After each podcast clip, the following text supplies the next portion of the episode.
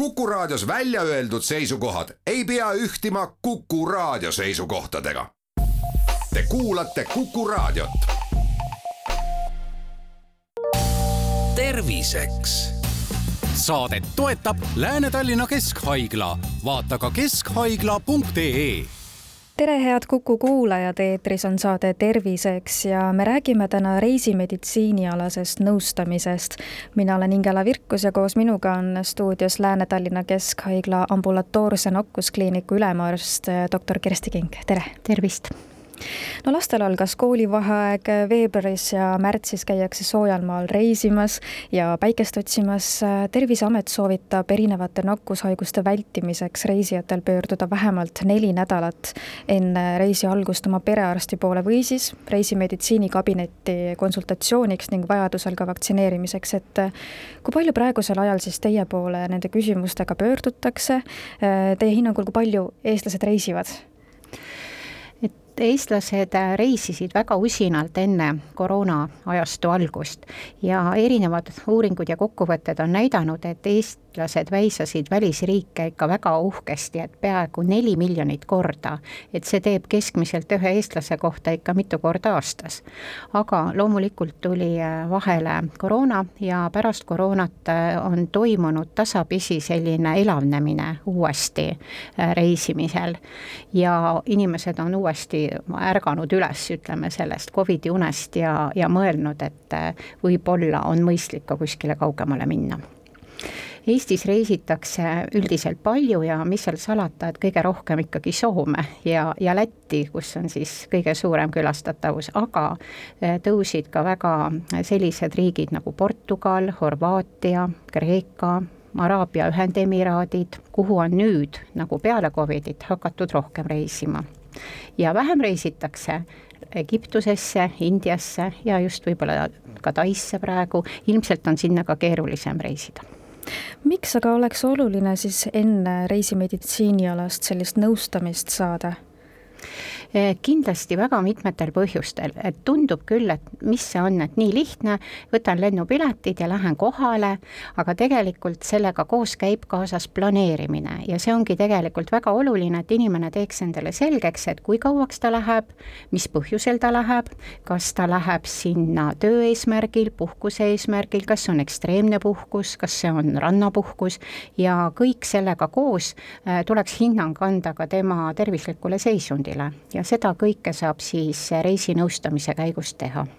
mis asi see reisimeditsiinikabinet äh, täpsemalt siis on, et kui palju meil neid Eestis võib olla või kes seal vastu võtab ja, ja mis küsimustega täpsemalt siis veel võiks teie juurde pöörduda? Tegelikult ei ole neid reisimeditsiinikabinette Eestis väga palju, neid on äh, Tallinnas, on äh, Lääne-Tallinna Keskhaigla juures, on Qualitase juures olnud reisimeditsiinikabinet, on Pärnus, on Tartus, nii et tegelikult need on sellised eksklusiivsed kohad. aga seal töötavad arstid on äh, väga kompetentsed ja teadlikud ja kursis riikides olemasolevate probleemidega ja mis seal salata, kogemus annab ka ühte-teist ja aitab kaasa kaasa, nii et me oskame ka teinekord soovitada võib-olla midagi natuke muuta või midagi natuke teistmoodi teha ka reisimarsruutidesse. Mis eriala arstid siis või spetsialistid seal töötavad, et töötavad nakkusarstid, jah, nakkusarstid, kes siis on läbinud spetsiaalse koolituse ja eelnevalt siis äh, tehakse näiteks äh, patsiendile tervisekontroll, et mida see endast siis täpsemalt sisaldab või millest see sõltub, et mis äh, kontrolli täpsemalt teha on vaja? tegelikult on nii, et enamus inimesi on ju oma tervist kontrollinud, nad on teadlikud, kui nad reisile lähevad, et võib-olla tõsta välja eri neli sellist rühma, mis on siis või kes on siis lapsed, kes on siis rasedad, kes on siis eakamad inimesed ja krooniliste haigustega inimesed et vot seal on selline noh, ütleme nüansside rohke nõustamine, kus on palju erinevaid soovitusi ja, ja nõuandeid võimalik anda lisaks äh, olemasolevale noh, tervisehinnangule, mis ta endale ennem on andnud. aga tavaliselt, äh, kui tekib äh, patsiendil probleem, et ta tahaks oma tervist kontrollida, siis loomulikult selleks ta peab tulema siis päris nagu arsti vastuvõtule analüüside andmiseks aga reisimeditsiinikabinet on ikkagi nagu nõustamine puhkuse teemadel, et äh, kui palju, kas, millega, kas on vaja vaktsineerida või on tal vaktsiinid juba olemas, äh, mis tal on vaja oma reisikaaslaste jaoks teha ja nii edasi Te mainisite neid populaarsemaid äh, sihtkohti, reisisihtkohti, et kui ma lähengi nüüd näiteks kas Soome või Lätti või Portugali, kas äh, selleks võiksin ikkagi siis enne nõustamisele tulla või milliste reisisihtkohtade puhul see soovitus täpsemalt käiks? tegelikult äh, reisimise puhul igal juhul oleks mõistlik, kui elementaarsed vaktsiinid oleksid tehtud, et päris ilma vaktsineerimata kindlasti ei ole mõistlik reisida, et miks ma seda ütlen, see on kindlasti just just nendele lastevanematele, kelle lapsed on vaktsineerimata. et kui meil Eestis juhuslikult ei ole neid haigusi, siis reisimisel me puutume väga palju kokku inimestega, kes on tulnud nendest riikidest, kus on neid haigusi, või lausa lähemegi sellesse riiki, kus neid haigusi on. nii et tegelikult äh, vaktsiinide osas on elementaarne, mis on meil noh, ütleme lapsepõlvest kaasa antud, need vaktsiinid äh, vaadata üle, kas seal on vaja revaktsineerida, kas need vaktsiinid veel toimivad, kas vaktsiinimälu on alles, sest ükski vaktsiin ei kao kunagi kuskile, tuleb lihtsalt mälu värskendada, või tõesti on äh, vaktsiinid, mis äh, on siis lõplikud, näiteks kui meil on vaktsineeritud mumpspunetised leetrid ja me oleme seda kahel korral teinud, siis me ei pea kunagi kartma, et me sellesse haigusesse jääme. või näiteks on B-hepatiit samamoodi, aga kui on äh, mingil põhjusel jäänud see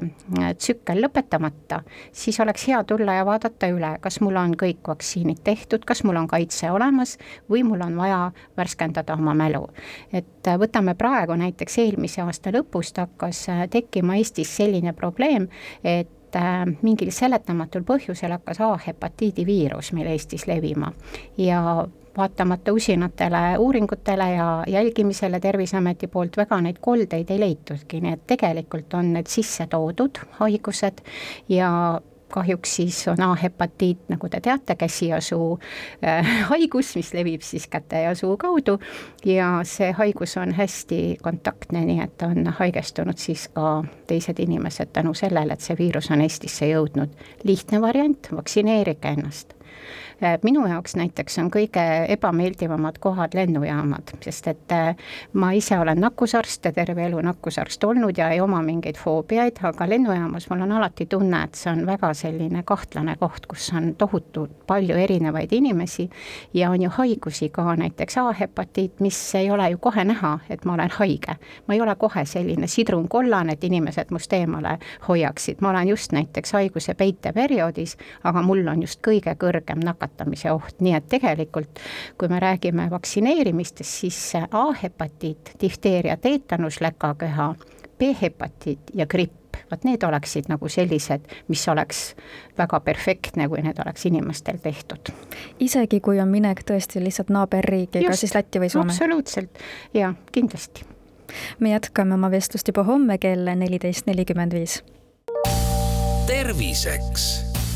saadet toetab Lääne-Tallinna Keskhaigla, vaata ka keskhaigla.ee